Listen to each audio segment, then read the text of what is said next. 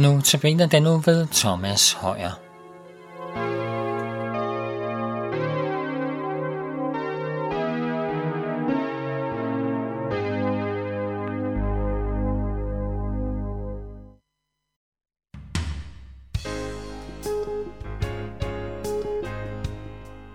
thank you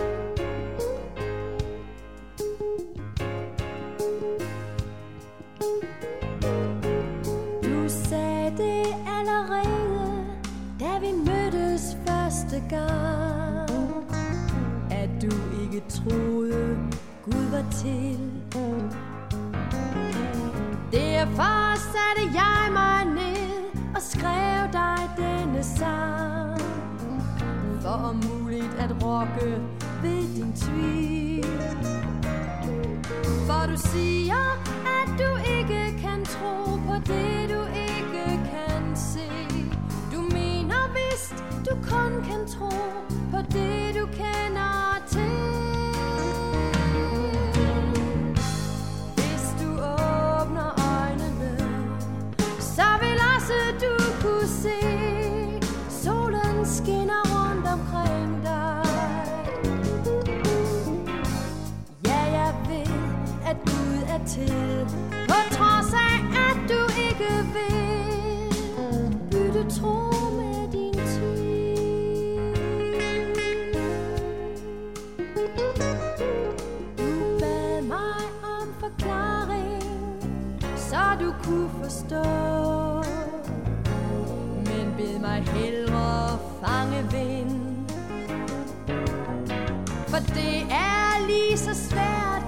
at forklare farven blå For en som altid har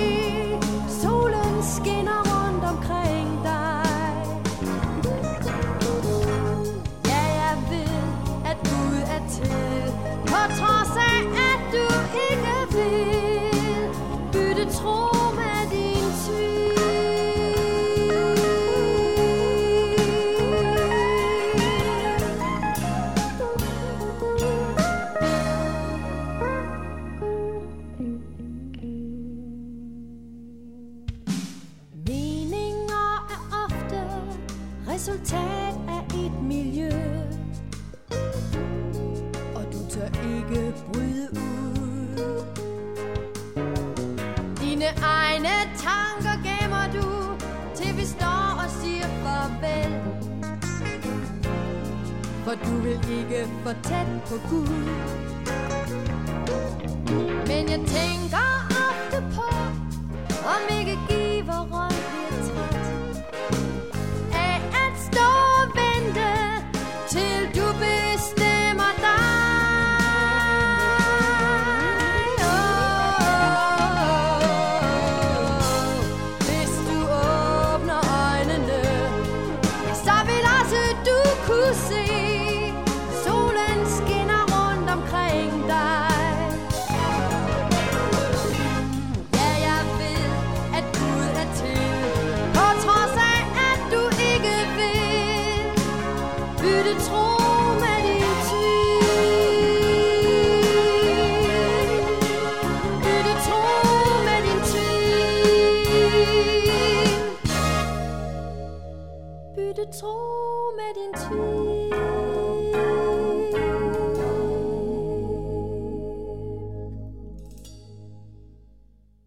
Velkommen til Notabene. Mit navn er Thomas Højer.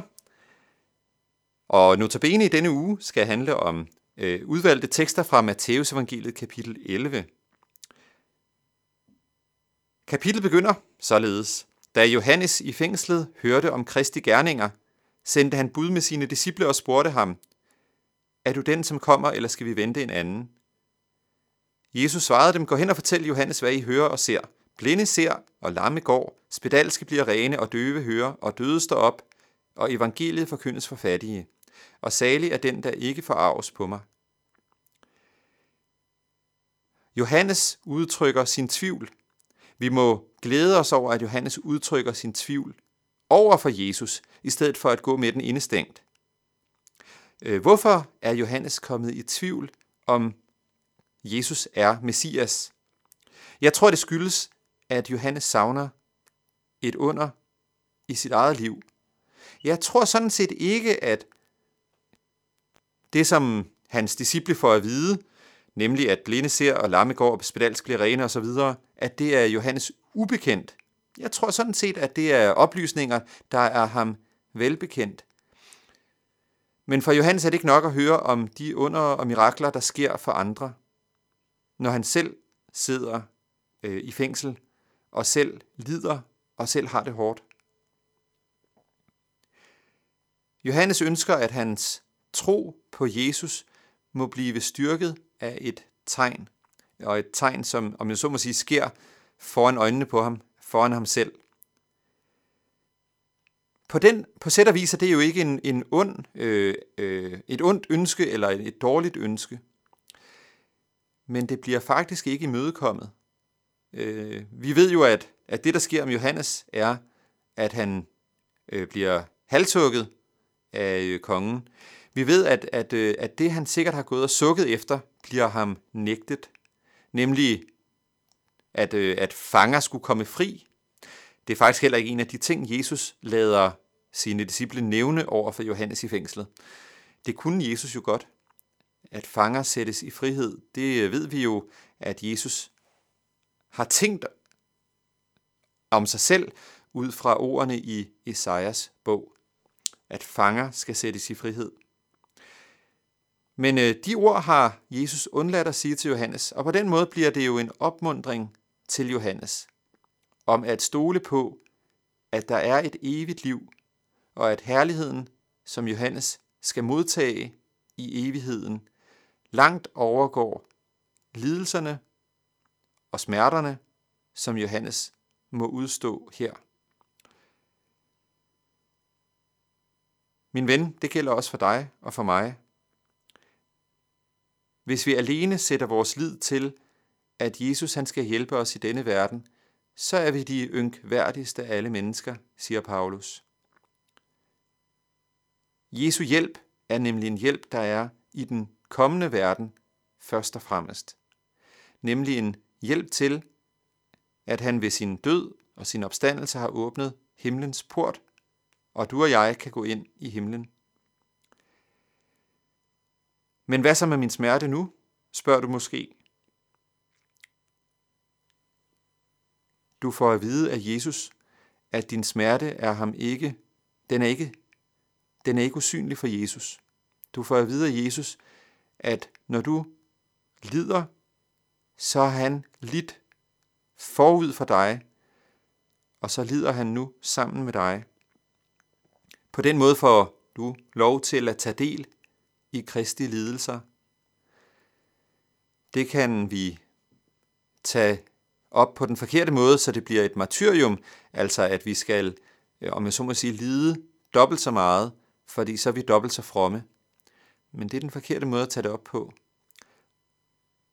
At tage del i Kristi lidelser, det betyder, at vi ikke viger udenom, når vores vej rummer smerte og lidelse foran os, men at vi øh, accepterer smerte og accepterer lidelse.